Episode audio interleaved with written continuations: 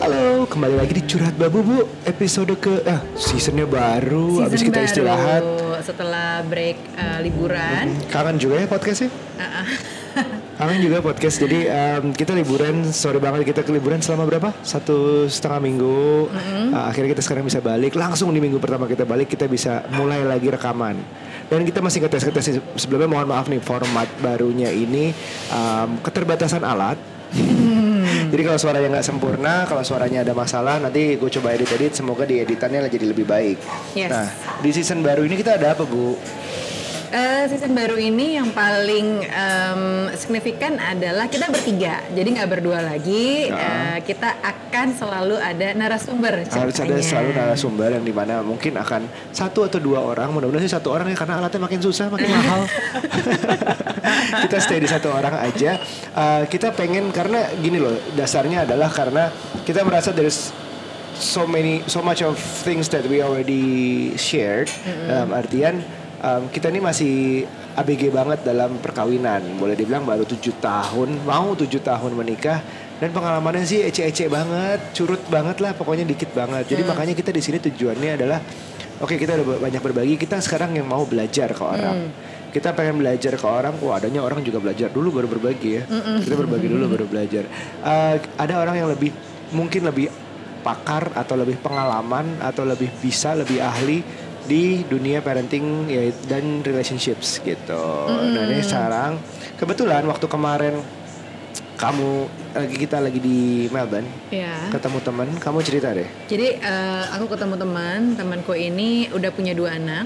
Eh, kebetulan menikah dengan orang Australia dan eh, dua-duanya anaknya ini punya perbedaan. Waktu itu yang pertama lahiran di Jakarta, Iya. yang kedua melahirkan di Melbourne. Oke. Eh, tentu dengan apa ya, secara eh, emosinya pasti berbeda karena begitu Indonesia dia di tengah keluarganya sendiri, sementara pas di sana di Melbourne cuman ada suaminya dan Iya. keluarga suaminya aja. Iya, gitu. metal lah ya, cuman Secara tanpa mental bantuan itu lah. berbeda. Terus dia cerita eh, menarik deh kalau di Melbourne ini di Australia eh, yang diutamakan adalah mental health si ibu. Jadi sebelum melahirkan udah ada screeningnya tuh untuk eh, melahirkan seperti apa eh, perasaan ibu tuh lagi kayak gimana sih? Ada nggak yang ditakutin dan lain-lain. Dan kita kita jadi ngerasa nih ini sebenarnya mental health ini uh, isu yang lagi rising banget kan dua mungkin dua tiga tahun terakhir nih banyak banget yang mulai kayak uh, terutama kalau aku ngeliat di artikel-artikel di social media itu ngelihat bahwa kalau dulu itu mental health itu kayak tabu gitu loh punya punya sesuatu yang bermasalah dengan mental lo. Kayak orang tuh mikirnya ah, lo gila kali ya gitu. Lo Ah, beneran ah. gila. Lo Penggunaan kata sekarang penggunaan kata gila aja kontroversi. Iya. Orang dengan gangguan kejiwaan. Iya, Gitu. atau misalnya aja ya sekarang isu-isu kayak ternyata dia bipolar, ternyata dia punya Iya. gangguan uh, Ah, apa namanya depresi. Betul. Ada orang yang masih anggap itu hal remeh sih, Betul. tapi ternyata makin ke sini kok agak makin serius terbuka. ya. ah, ah. Dan juga makin terbuka orang-orang itu ya. Iya, dan, makin terbuka dan, sih. um, nggak sampai tahap keterbukaan di mana lo belum pernah didiagnosa pun, tapi udah bilang mental depresi. Gitu Hmm. loh, ngerti nggak? Banyak banget orang yang, aduh gue stres nih, gue mental depression nih, gue bipolar nih. Padahal dia belum pernah ngecek dirinya bahwa dia tuh iya apa enggak. Nah, kita apakah sudah seujung itunya uh, tentang mental depressionnya, segitu, segitu liberalnya, segitu terbukanya, segitu ya masalahnya segitu banyaknya kah? Atau kita di mana? Makanya kita sekarang ngundang uh, teman kita juga yang teman main kamu ya bu ya dari Iya. dulu ya. Teman lama aku. Ah, ah. Jadi namanya adalah Aleima Syaruna. Yeay. Hai Runa, Ru- Runa kegiatannya apa sekarang selain menjadi temannya Nuca? kegiatannya ya selain menjadi temannya Uca, Nuca, ibunya Zion dan istrinya Mas Luki. Oh iya. Iya. Apalagi tuh? Lengkap ya. Jadi eh, melakukan freelance di Ah. consumer research. Eh, itu yang dari sisi ke kantor-kantorannya ya. Oh korporatnya ya, Hmm, oke. ha. Terus tapi juga praktek eh, TAT, TAT itu apa? Tolong dijelaskan. tapas acupressure teknik. Tapas Jadi teknik, itu oke. salah satu teknik tapi eh, aku bukan ngajar di situ karena belum jadi trainer. Oke. Lebih kepada one on one therapy or consultations. Oh oke. Di mana orang yang datang itu nanti eh, aku bantu Mm-mm. untuk akhirnya dia bisa melepaskan any kind of burden yang dia punya in terms of emotional burden. Jadi Oke. stress, anxiety, fear, Oke. limiting beliefs, Oke. even preparation untuk ibu-ibu yang misalnya mau melahirkan. Iya. Oh, Oke oke oke Dulu oke. sih Runa ini anak ahensi. Anak agensi Iya, ya, kan, Run? yang sudah Iya. cukup stres di kehidupan agensi sepertinya. banyak banget tuh teman-teman gue yang curhat. Aduh Iya, gila iya, di agensi iya. gue nggak pulang-pulang nih, gue lembur segala macam. Iya. Tapi gue Ah. meninggalkan agency sebenarnya uh, lebih kepada pertama I don't feel I'm there anymore. Di dunia agensi, Uh, oke. uh, Kayak untuk uh, all the berjualan dan advertising and Oke. all of those. Sama yang kedua memang uh, Apa nih bener-bener karena bikin orang konsumtif? Iya ya, I don't wanna talk about that Ya, oke, sini. oke, fine, fine, fine. Tapi uh, dulu sih yang bener-bener uh, titik-titik tolaknya itu adalah uh, gue pengen punya waktu lebih banyak buat anak gue gitu. Karena Oh, oke. Di saat itu lo um, waktu itu baru punya uh, keluarnya di saat baru punya anak atau mau punya anak? jadi baru melahirkan, Oke. terus kan ngambil maternity leave tiga bulan. Iya iya iya. Dan cuman dalam waktu tiga bulan setelah masuk, gue nyerah. Boleh tahu nggak? uh, ini pengalaman pribadi aja. ke- Mm-hmm. Kenapa gitu? Kenapa? Apakah wah, anak lo membutuhkan waktu lebih banyak emang yang minta atau suami yang minta? Apa Mm. apa lo ngerasa sendiri bahwa kayaknya gue gimana gitu? Oke, ini sebenarnya dulu gue kira it's so simple. Uh-uh. Ternyata setelah melewati beberapa tahun setelah kejadian itu, ternyata ternyata gue baru sadarin tuh kejadiannya lebih kompleks Apa daripada apa yang gue kira saat itu. Oke. Waktu itu kan just anak gue pastinya nggak minta ya, soalnya kan dia baru lahir ya bisa, sih. ah. Dia bisa nulis gitu nih Iya. kode nih. dia kayak nggak bisa kayak request or Ah. anything dan laki gue tuh tipe yang I think one of the reason I marry him is because dia nggak mencoba ngandangin gue gitu jadi Ah. dia whatever you wanna do just do it dia kayak run Iya, with iya, me iya, gitu jadi gue nggak merasa terkekang atau apa pun Oke, jadi nggak so pernah.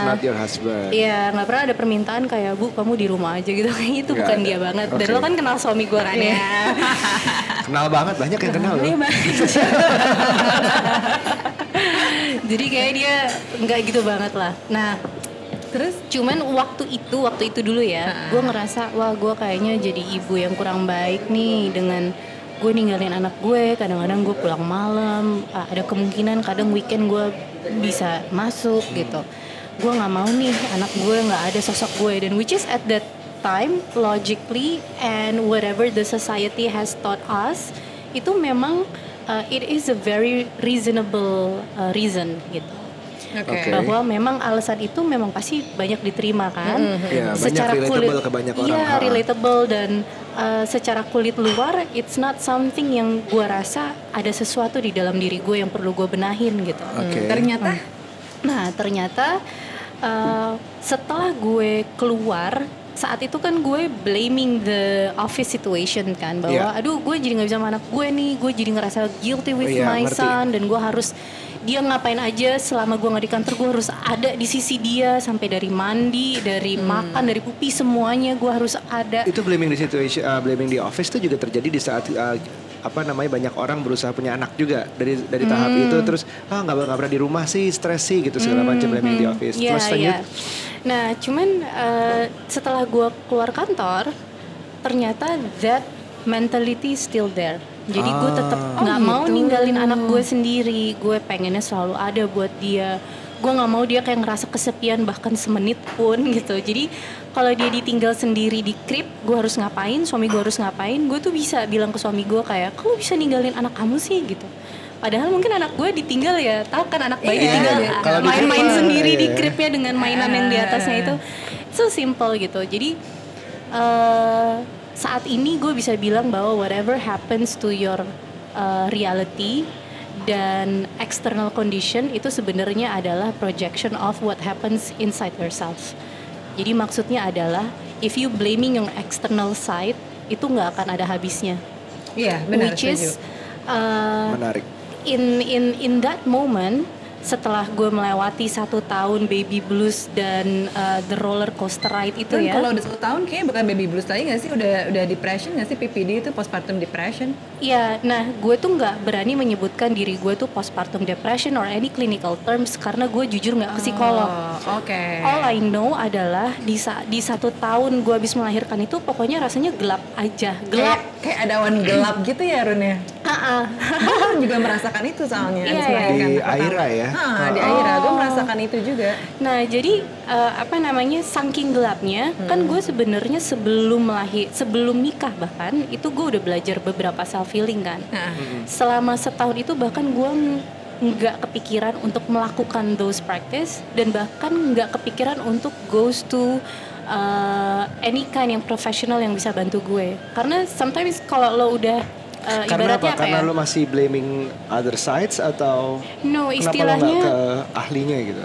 kalau kita uh, metaphorically ya kita bikin ini lebih kayak visual visual explanation gitu kalau lo jatuh ke lubang dan itu dalam banget lo akhirnya lebih kayak stuck di lubang itu tanpa lo akhirnya mulai berpikir oke talinya di mana ya lo udah keburu jatuh and it's all dark dan lo udah terperangkap di situ so Nyerah gitu. bukan nyerah lo nggak sadar bahkan Oh gitu.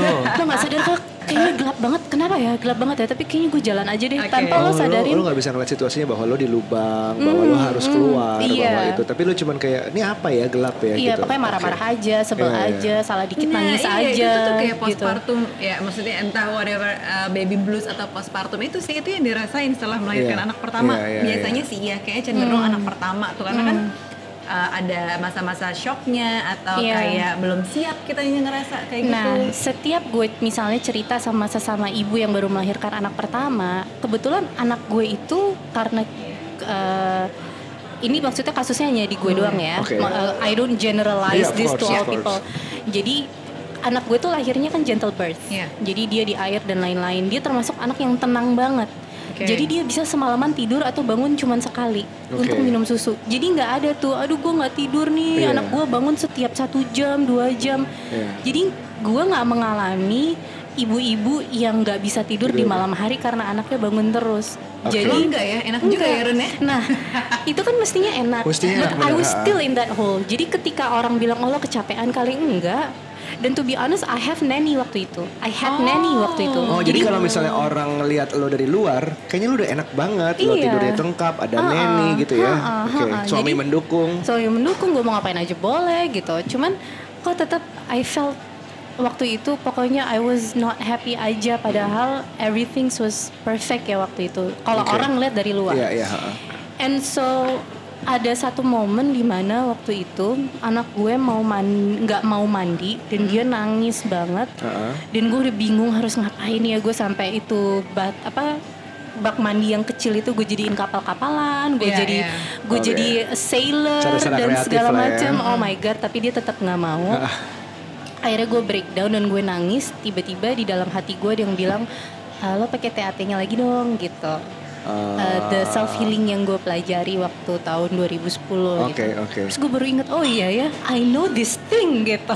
Jadi kayak Bahwa lo udah pernah ada teorinya ya, udah pernah pelajari udah ada caranya dan gue Ha-ha. lupa sama sekali di se padahal TAT itu gue pakai setiap hari sebelum melahirkan and after birth tuh bener-bener tiba-tiba blank Oh. Ah oke. Jadi- Menarik juga sih Run. Iya. Maksudnya seorang lo gitu ya Run ya. Kalau gue mungkin ya udah cuek aja gitu kan. Tapi lo sampai skip itu gitu. Iya, Kan gue langsung perasa sih sih. Mendengar kita dijelaskan seorang lo tuh. Oh, iya. Jadi menurut kalau kamu Runa tuh gimana Runa tuh? tuh menurut aku eh, cukup perfeksionis dan apa ya? Oh Kalau ada yang lebih perfeksionis dari kamu? ada ada ada ini. Nah itu gue ceritain ya kenapa gue perfeksionis banget. Jadi Luna ini seorang yang perfeksionis, eh, kayak istilahnya zaman dulu orang Jawa mungkin kayak telaten Iya, gitu iya, loh. iya, iya, Dia iya. kayak bisa ngeru- melakukan sesuatu tuh dalam apa ya runut, sistematis gitu kan Run? Iya tapi sepertinya gue sekarang udah nggak segitu. Oh, iya, Oh, gitu ya. an- anak mengubah segalanya, kerasa banget kok kayaknya. Iya, cuman gitu sih waktu itu akhirnya gue pakai Akhirnya lo praktek gue lagi. pakai TAT itu, gue mengun- eh, kayak mengunci diri di kamar gitu Ha. untuk gue ber-TAT gitu. Sebenarnya nggak harus mengunci diri di kamar sih, Iya, but iya, at iya. that time I just need my own space Iya, gitu. iya, iya. Terus dari situ baru tiba-tiba muncul like my inner self atau kata hati gue tiba-tiba bilang bahwa um, you you have baby blues, you need to go someone to see someone.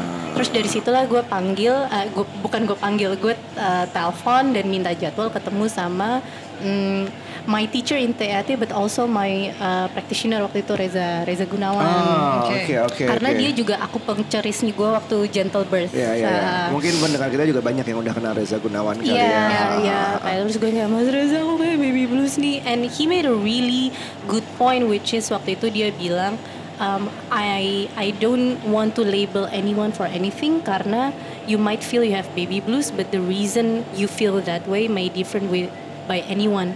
Jadi dia uh, men- mendorong gue untuk mencari tahu why do you feel what you feel right now. Oke. Dan- Nah, labeling baby blues itu kan yang tadi dia nggak mau lakuin bahwa lu belum tentu, lu kok nggak tahu ya lo lebih baby blues apa Uh, bukan I'm not psychologist kayak gitu. anyway, Ha. but what's important is not whether you have this label your baby blues atau depression or whatever, but you need to find why, Why it the reason lo merasakan apa yang lo rasakan saat Oke. ini. Nah, gimana caranya lo tahu? Nah, Kalau kenapa? waktu itu uh, jujur sih itu pengalaman yang bahkan sampai saat ini pun masih gue gelutin karena uh, after that sebenarnya bahkan sebelum kawin tuh kan I'm I, I was kind of seeker gitu ya jadi uh, ke self healing ini self healing itu Oh, iya, meditasi ini di tempat ina itu ina itu. Sampai akhirnya uh, di saat ini gue menemukan beberapa tempat yang I feel I fit with these places gitu. Aha. nah uh, the terms yang uh, the terms yang kena banget di gue itu adalah ada momen yang gue merasa kok gue nggak kelar kelar ya? Uh, kan gue tahu bahwa gue harus uh, menyelesaikan baby blues ini. Misalnya dalam setahun gue kira dalam beberapa bulan work udah kelar nih Iya. Ah, eh terus ternyata kok ada root cause penyebab baby blues ini muncul lagi gitu Oh gitu. ternyata Ini maksudnya kapan? trigger ini kapan muncul laginya tuh kira-kira tuh? Dalam durasi anak lo Atau anak lo umur berapa tahun. gitu? The first year atau gimana? Eh, nggak separah baby blues. Jadi kalau misalnya dari sisi thicknessnya ya, Ah. yang men-trigger lo dalam perasaan eh, yang menjadi penyebab baby blues lo itu mungkin di setahun pertama thick banget. Lo melakukan beberapa kali healing eh, kayak noda lah, nodanya memudar, memudar, memudar. But it always you need to work on it. Jadi Oke. akhirnya ada istilah you are working in progress. Ya. Itu di tempat meditasi gue sekarang baru selalu bilang kayak gitu. Jadi lo jangan berkecil hati kalau lo ngerasa misalnya I feel emotionally abandoned waktu kecil dan gue ngerasa Oke. itu men-trigger gue in all aspects in my life gitu. Gue ngerasa dari beberapa kali healing pasti udah kelar dong. Ternyata kok masih ada hal-hal kecil yang men-trigger gue lagi untuk urusan itu gitu. Karena memang you are work in progress, gitu. Jadi kayak onion peeling lo Iya, Ya, like like iya. onion tuh kan layernya banyak. So you go layer until layer until layer until you go Tapi to the akan tahu ada berapa layer di dalamnya. Yes, exactly. So oke. makanya uh, ada istilah kan as a human being you your main goal is to evolve kan. So not only evolving into your outer reality, your inner reality juga harus evolving Hmm, dengan cara itu. Oke. Tadi lu sempat bilang em, ada hubungannya dengan masa kecil. Hmm. Apakah itu yang orang sebut itu inner child? Apakah ada sesuatu yang belum selesai itu sampai segitu dalamnya bahwa Iya. lo harus balik lagi ke exact ah, nggak you don't know the exact moment Iya. tapi ada ada waktu tertentu di masa kecil yang lo nggak pernah tahu tiba-tiba itu ternyata nyangkut sampai lo Iya. sekarang. Itu Iya. bener ada ya kira-kira seperti itu. Kalau dari pengalaman gue dan memperhatikan sesama teman-teman yang ikut di tempat meditasi gue atau bahkan klien TAT gue yang gue ketemu biasanya sih memang uh, ada pattern. I'm not generalizing that this has happened to everyone, tapi Yeah. gue melihat orang yang gue lihat dan di diri gue sendiri ada pattern bahwa uh, the moment you have uh, your child, apakah pertama, kedua, ketiga, kadang-kadang kita baru sadarnya yang pertama ya. Itu inner child lo yang lo ngerasa traumatic, wounded, terluka Keluar atau tuh itu semua keluar, it's activated. Jadi satu hal yang memang gue belajar the hard way, yang sebenarnya waktu itu Reza udah bilang kamu harus tetain ini ini ini, tapi gue terlalu males kan. Gue mikir apa sih mestinya gue persiapan kelahiran aja. Itu kan ibu hamil pasti fokusnya di situ kan, bagaimana melahirkan dengan taunya. tenang, aman, lancar gitu kan. Emang itu bener loh, maksudnya you shouldn't uh, dismiss that gitu. Iya, Cuman bener sih, bener-bener. Aku sat- setuju juga. satu hal yang uh, blindsided itu atau nggak dilihat itu adalah uh, cara lo memperlakukan anak lo itu relatable re, apa, uh, apa uh, bahasanya apa? Cara lo memperlakukan anak lo itu sangat kuat uh, kaitannya dengan your inner child uh, yo uh, apakah itu happy, wounded, traumatic dan hubungan lo ke orang tua lo. Tapi itu agak Oke. ag- agak agak mengerikan nggak sih kalau tahu kayak gitu kalau apalagi kalau inner child lo atau lo tahu bahasa kecil lo tuh nggak bahagia gitu. Nah, Gimana caranya? Misalnya, aduh gue tahu banget, gue nggak ya bukan gue ya. Misalnya Ya, ya. gue tahu banget bahwa um, ah, masa kecil gue berantakan orang tua gue nggak itu gue Hmm. jauh banget atau orang tua segala macam. Tapi gue nggak mau anak gue begitu. How Hmm. do you break the cycle? So you basically kalau dari uh, sisi yang gue pahami sekarang itu adalah you heal your wound. Jadi uh, kalau balik lagi ke contoh gue dan anak gue ya, waktu itu ternyata setelah gue keluar kantor tetap gue nggak tega tuh ninggalin anak gue karena ternyata inner child gue tuh woundnya yang dalam banget itu adalah emotional abandonment. Oh. Dan uh, please bear in mind ya, maksudnya kalau misalnya ada anak kecil ngerasa emotional abandon atau physically abandon itu bukan berarti orang tuanya jahat atau orang tuanya nggak mikirin. Iya, iya, Tetapi iya. lebih tepatnya adalah semua orang itu kan punya persepsi dan cara pikir masing-masing, Oke. ya nggak Betul. sih? Nah si anak kecil ini siapa pun ini, misalnya gue dulu ya, inner Hmm. child gue dulu itu, ketika gue di rumah sendirian, gue uh, saat itu sebagai si anak kecil mikirnya aduh gue ditinggal nih gue sendiri gue abandon Dan itu juga tergantung level sensitivitas anaknya juga ya. Ada yang misalnya anaknya ya nggak ngerasa ditinggal saat itu, tapi Hmm. juga ada yang memang sensitif banget dia ngerasa Mm-mm. ditinggal. mungkin iya mungkin banget oke. nah jadi you need to heal that wound gitu Hmm. dan ketika itu kan persepsi si Iya. anak jadi ketika lo try to heal that wound dan tiba-tiba persepsi lo berubah bahwa oke gue tuh sendirian di rumah because my parents uh, waktu itu menginginkan hidup yang jauh lebih baik buat gue dibandingkan saat itu. Nah, then your perception shift. Ya. and the way you think about your life juga shift. Yes. and that's when you start to heal juga. Jadi healing itu uh, banyak sih layernya dan banyak caranya gitu. Cuman di pengalaman gue pribadi adalah after I healed that I'm not saying that I completely healed ya Iya, tapi work in when progress tadi ya. Yeah, when at that moment I tried to heal that my inner child, a lot of new perspective came to my childhood self gitu. Oh. Jadi Runa si kecil ini kita memberikan pengalaman ke si Alima kecil ini bahwa hey you are not alone you're actually loved but you are physically alone because the people who loves you want to give better life for you kayak gitu jadi then at that time gue lebih berani ninggalin anak gue oh nggak apa-apa karena waktu itu gue ngerasa I Ah. overcompensate Ya. apa yang waktu itu gue ngerasa wounded Iya, ke iya, anak iya. gue jadi anak gue jadi over muka muka gue tuh kayak ada di mana-mana gitu. Iya, iya, iya. Mau get out of here, ibu pergi, Sumpah. pergi. terus mm, terus gue kayak ngerasa oke it's not safe to be a child karena lo bisa terluka lo bisa sakit lo bisa apa jadi gue overprotective sampai kakak gue yang kayak oh my god Run something wrong with you cuman gue waktu itu terlalu terlalu apa ya clouded Iya, dengan sih. all of those wound yang di mana gue nggak ngalamin sebelum anak gue lahir gitu jadi it was Oke. really activated Jadi inner child, nah ntar lu. Ini takutnya ada orang yang miss nih, nggak ngerti inner child itu apa sih? Kayak definisinya apa sih Run sebenarnya? Gue sih juga baru mengerti inner child itu apa ya karena parent talk juga ya. Iya, iya, Sempat iya. ada isu soal inner child. Kita pernah bahas bikin artikelnya, kita bikin kontennya gitu. Gue jadi baru tahu, oh ada ya. Karena gue sendiri nggak tahu sebenarnya inner child itu apa sih? Oh ada ya di setiap orang ternyata. Bahkan dari lo bilang inner child tuh baru activated ketika kita udah melahirkan, ya kan? Gue tuh baru baru memahami, oh ada ya. Apakah mungkin dulunya gue bahagia aja, misalnya waktu kecil, jadi gue sampai ignore dengan uh, inner child inner child ini, atau ya mungkin sebenarnya ada sesuatu tapi gue nggak mengenali definisinya. Nah, mungkin Runa boleh jelasin inner childnya itu sendiri definisinya apa sih? Biar orang nih nggak terlalu miss nih. Kita tadi kan ngomongin Oke inner oke child. oke. Tapi kalau boleh gue koreksi sedikit ya, nggak semua orang inner child wound-nya tuh teractivated after melahirkan. Oke. Mereka punya banyak cara yang akhirnya mereka sadar bahwa hey I need to fix this gitu. Eh, tapi nah Indonesia cuman di bisa aja nggak teractivate sama sekali bisa. gitu gue nggak tahu. Nggak tahu ya. gue belum pernah. Soalnya gini, soalnya Bahkan gini. men- buat- melahirkan itu monumental memang kan Iya, itu suatu di- journey yang itu kan luar biasa. ya, banget. laki Laki-laki gimana gitu? gitu? Sebenarnya gini, gue kasih tahu ya. Sebenarnya eh, gue itu baru sadar banget setelah melahirkan. Mm-mm. Tapi bukan berarti sebelum melahirkan si gejala-gejala itu tuh nggak muncul.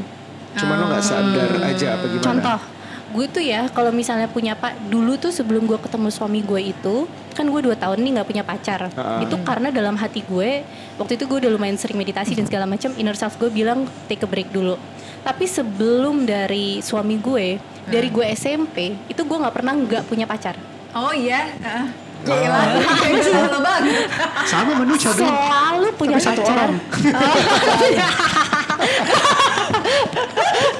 Iya iya iya. Kalau beda cerita kayak Iya, itu ya. cerita, Oh, iya. jadi beda cerita. Oh, Iya, iya, iya. Jadi gue nggak bisa tuh kayak misalnya putus terus, hah gue nggak ada pacar kayak Nggak bisa sendiri nggak gitu ya. bisa. Pokoknya ada harus ada orang yang kayak uh, melukin, Iya, sayangin, iya, iya. unyu-unyu gitu loh pokoknya. Termasukin di SF itu ya Ron ya? Oh, iya. Tuh, jadi ya itu juga pendengar, setelah gue pikir-pikir ya, gue memang membutuhkan sebuah sosok yang kayak selalu jagain, sayang-sayang gitu. Nah, ternyata sebenarnya if if at that time uh, gue tuh sensitive enough and understand enough bahwa itu adalah inner child gue yang selalu minta di uh, dilindungi, dicintain dan selalu diperhatikan karena dulu waktu kecil gue ngerasa I'm emotionally abandoned. Oh. Jadi gue merasa bahwa oh gue tuh selalu membutuhkan untuk selalu Yeah. ada orang physically untuk I'm there for you gitu. Oh. Makanya gue cocok sebenarnya sama uh, kan kalau lo percaya zodiak zodiak receh Iya, gitu iya, ya. iya, gue kan Oh cancer percaya, lo. percaya, percaya, percaya. kan gue cancer ya. Kan cancer tuh selalu uh, apa namanya uni uh, pasangannya itu kan adalah uh, Taurus, Pisces sama Scorpio Si kan. Mas apa? Virgo, Virgo kan? Iya, tapi gue emang butuh dapet yang kayak gitu. Kalau enggak gue unyu-unyuan sepanjang hidup. Jadi gue kayak setiap dapat orang dengan sign itu tuh yang kayak oh unyu and I feel kayak dunia tuh emang udah lengkap, udah indah Gue banget. cocok zodiaknya nih. gitu. Aduh lu juga sering kirim-kirim puisi oh my god gitu. Nah tapi gue waktu itu tidak menyadari bahwa that's actually my inner child who's longing for that Ah, gitu. oke. Cuman kenapa di di di, di saat gue melahirkan gue baru ngeh banget itu karena kayak orang dicolek nggak bisa dicolek nggak bisa akhirnya dia dijedotin kepalanya nah itu gue baru setelah karena benar-benar ada sosok anak kecil yang secara gue nggak sadar anak kecil itu gue mirrorin sebagai diri gue Hmm. jadi sebenarnya apa yang kita lihat di dunia kita secara eksternal ini kan juga mirror dari apa yang terjadi di dalam diri kita dan kondisi reality di dalam diri kita gitu. Jadi gue ngeliat anak gue, gue bener-bener karena sosoknya beneran anak nih, gue kayak dijedotin kepalanya bahwa gue ngelihat dia bener-bener sebagai gue waktu kecil dulu gitu.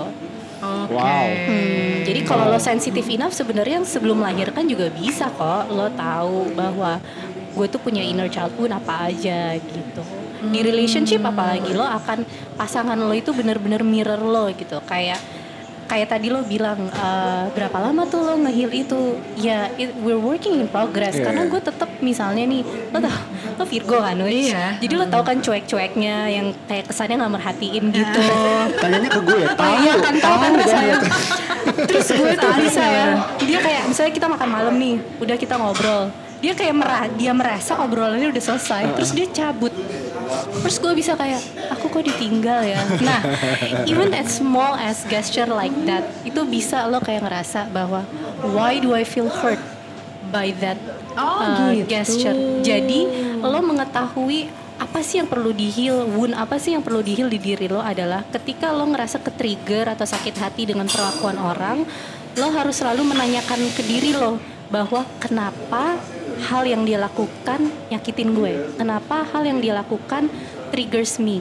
Itu lo akan banyak ketahuan dan most of kelakuannya laki gue itu yang membuat gue ke trigger itu pasti ujung-ujungnya kalau gue why why why di laddering ke bawah itu ya ujungnya gue feel ignored, abandoned, Karena unloved, lo- unwanted gitu. Iya karena lo pernah inner childnya. Iya, Oke, mungkin kalau lo oke. nggak merasa wound inner child lo tuh unloved, abandoned, unwanted, lo nggak akan ngerasa ke trigger dengan kelakuan-kelakuan kayak gitu yang dia melakukan juga mm, nggak tanpa bukan sengaja kan gitu. Iya, iya. Ya Oh, emang orangnya gitu kayak ya. begitu gitu. Jadi Ah. ada istilah kayak lo harus menerima pasangan lo apa adanya. Before that you need to accept yourself first and your wound and understand yourself baru lo bisa nerima pasangan lo apa adanya. Bener sih, makanya itu kenapa kita ada yang bilang kan, eh, lo harus self love dulu. Tapi nah self love orang kan beda-beda nih. Sebenarnya dengan cara mengenali kenapa lo sensi dengan kalau dan kenapa lo merasa tersakiti karena dia begitu dia begini Hmm. begitu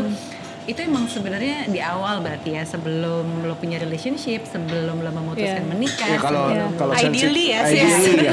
Biasanya kita kepentok kepalanya setelah nikah punya anak dua gitu kan. betul betul saat stres itu terasa pressure terasa makin berat Iya. makin real nih hidup Iya. nih dengan ada ada anak ada ekonomi yang ternyata pas-pasan makin Iya, berat gitu segala iya. macam tuh makin kerasa Iya. gitu jadi pressure lo pressure ya Terus how to overcome lo perasaan-perasaan kayak gitu Run? Hmm. Sampai misalnya nih sekarang kan lo udah udah berarti udah melewati fase-fase baby blues ini kan. Oke, Nah, oke. terus gimana? Nah, gue balik dulu ya ke pertanyaan lo apa itu inner Oh, iya. child karena ada hubungannya sama pertanyaan yang sekarang. Jadi inner child itu adalah uh, diri lo di saat kecil, mostly 0 sampai 7 tahun. Karena di situ kalau 0 uh, sampai 7 tahun. 0 Run? sampai 7 tahun. Terus Oke. tahap keduanya bisa Oke. 7 sampai 14. Oke. Itu setidaknya yang gue pelajari ya. Uh, maybe some psychologist atau beberapa orang di pakar lain punya teori yang berbeda, uh, punya pemahaman yang berbeda. Oke. Nah, tapi yang gue pahamin itu benar-benar 0 sampai 7 tahun dan 7 sampai 14. Di 0 sampai 7 tahun itu karena brain wave anak juga beda. Jadi dia lebih banyak absorbing whatever happens to them uh, dan mereka belum punya defense mechanism.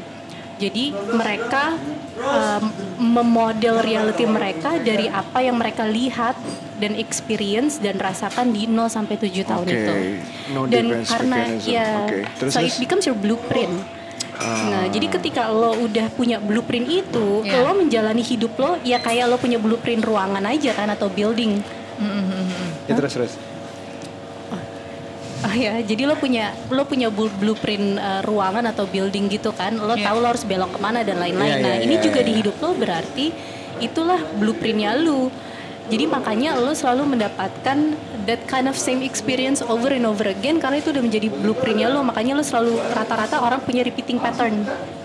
oh oke Karena itu oke. sudah menjadi blueprintnya lo yang lo lo rasakan atau experience ketika lo di 0 sampai 7 tahun itu Fondasi yang dibilang ya. inner child. Nah, Nah, dan makanya orang bilang ya golden age itu sampai lima, ada yang bilang lima tahun, Iya. ya ada yang bilang seribu hari pertama, Iya. ya pokoknya berarti ya 0 sampai 7 tahun ini krusial banget ya. Ya, Oke. jadi eh, 0 sampai 7 tahun itu memang whatever they feel, experience dan eh, lihat itu yang menjadi modelnya mereka gitu, model. Wow. Nah, itu yang kita rasakan juga. Jadi kalau dalam 0 dan 7 itu gue ngerasa misalnya oh, gue sendiri, gue sepi, gue apa.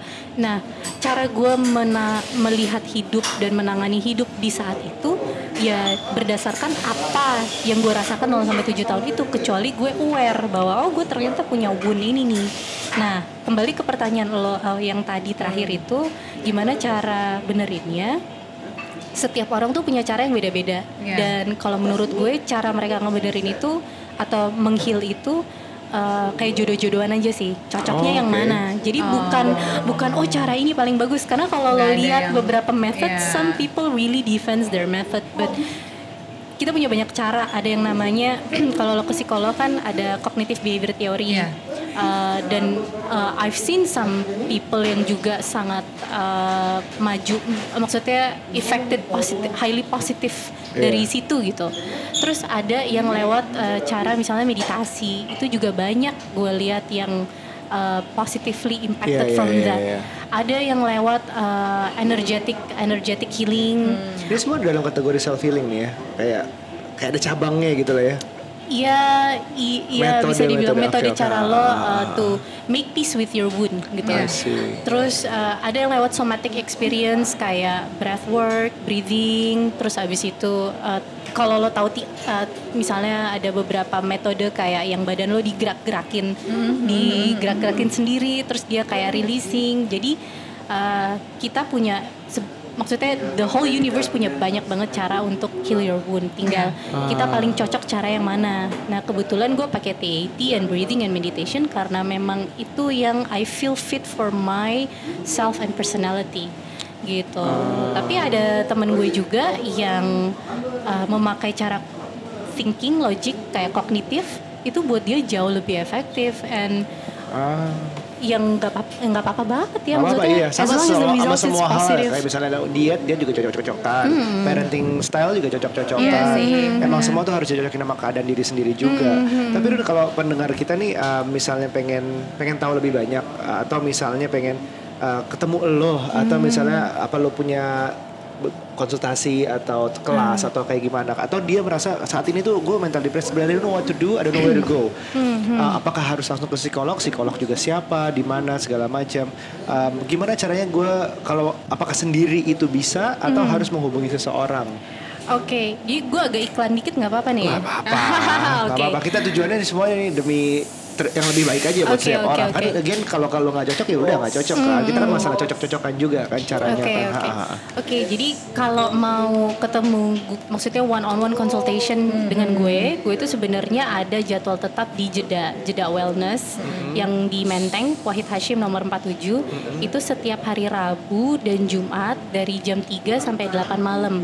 Oke. Nah tapi kalau bisa uh, WhatsApp dulu atau telepon dulu ke jedanya untuk make appointment. Oke, Oh, tapi gitu. tahap awalnya sebaiknya langsung ketemu Itu konsultasi ya Runi langsung datang ke lo one ya? on one. Jadi datang terus bisa bilang, aduh, uh, Alema gue punya masalah ini, gitu. Itu we can work on that uh, langsung saat itu. ada PR-nya sebelumnya nggak kayak basically you need to know what's going on with you apa yang harus dijelasin lo ngerasa apa gitu ada yang kayak ya sebelum ke sana lo lihat-lihat ke balik balik deh ke diri lo apa sih sebenarnya itu ada yang- Nah kalau enaknya ke- sama TAT sih, lo datang nggak perlu lihat apa-apa, lo datang, we can work on that in that session. Oh, Gitu. Oke oke oke oke. Nah, cuman kalau lo pengen tahu cara melakukan sendiri di rumah, itu uh, lo bisa ke kelas self healing hatinya Reza. Oh, Uh, self healing ada di Jeddah Reza. Sama ada di Dharma Wangsa Square. Iya, sekarang gitu. banyak ya Reza Gunawan terus si uh, ada Aji Silarus juga, Yes, ada yes. Ayla, Dimitri juga mulai ngomongin tentang Yes, mental awareness yes. ini. itu lo bisa lakukan di rumah I gitu. Nah, kalau meditasi, gue saat ini cocok cocoknya itu meditasi di Golden Space. Oke. Dan dia punya banyak, lo udah pernah ke situ kan Nuch? Dan dia udah. punya banyak banget program kan meditasi Banyak banget. buat love, health, home, parenting, terus eh, apa namanya? Dia bahkan punya workshop self love, abundance, lain-lain gitu. Itu kalau meditasi. Terus gue tuh eh, worry-nya ngelihat social media tuh kayak um, ya itu orang udah self proclaiming dia mental depressed atau Hmm, stress atau baby blues atau postpartum tanpa really even consider going to an expert atau Hmm. a practitioner lah atau kayak gimana. Sedangkan kalau larinya ke social media, Hmm. you- lo kan bisa sembarang dapat bantuan dari orang yang juga nggak tahu sebenarnya Hmm. what they're talking about gitu. Kecuali nanya-nanya ke social media, nanya minta bantuan dong gue apa gitu, ya udah diarahkan ke sini. That's a Yeah, different story. yeah, Tapi kalau yeah. langsung dijelasin terus ketemu orang yang makin itu kan ngeri kan Iya, iya. gitu jadi eh, tujuan podcast ini episode ini adalah ngobrolin tentang what can you do when you feel this way entah Hmm. entah itu masalah relationship lo entah itu bahkan lo nggak bisa dapet relationship pun Hmm. sampai punya anak sampai macem-macem lah gitu Hmm. jadi um, ya itu sih thank you banget kalau misalnya Iya, lo iya. udah udah bisa share ini Yes. pilihannya again balik ke kata Runa adalah uh, cocok-cocokan lo Iya. harus coba banyak metodenya harus dipelajarin kalau misalnya mental depresi is a serious thing now tampaknya Hmm. kayak angka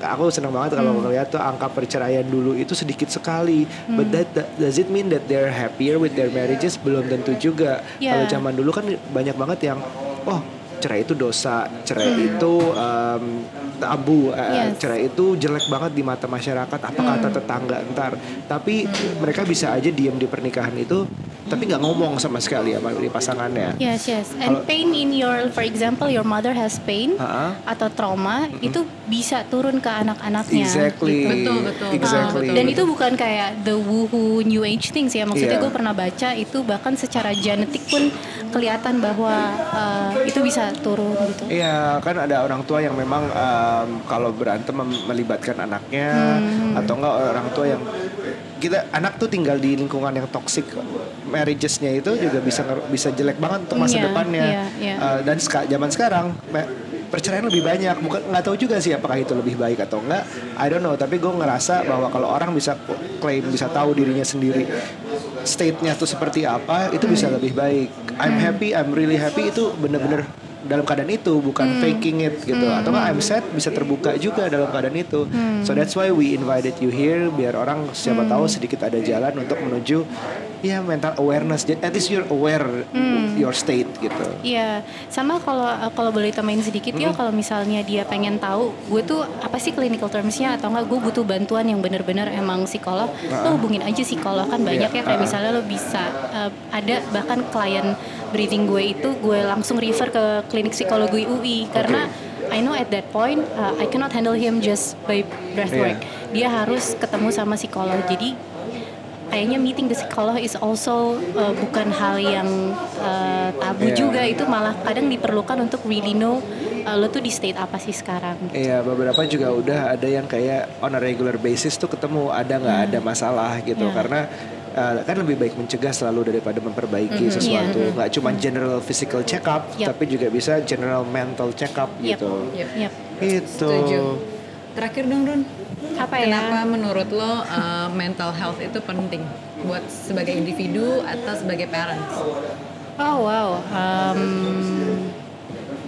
kayaknya tadi sempat gue mention juga ya. Mungkin lo denger berkali-kali sampai bosan tapi I wouldn't uh, gue nggak akan bosan untuk ngasih tahu ini karena benar-benar mental health in- is important because that's your inner world.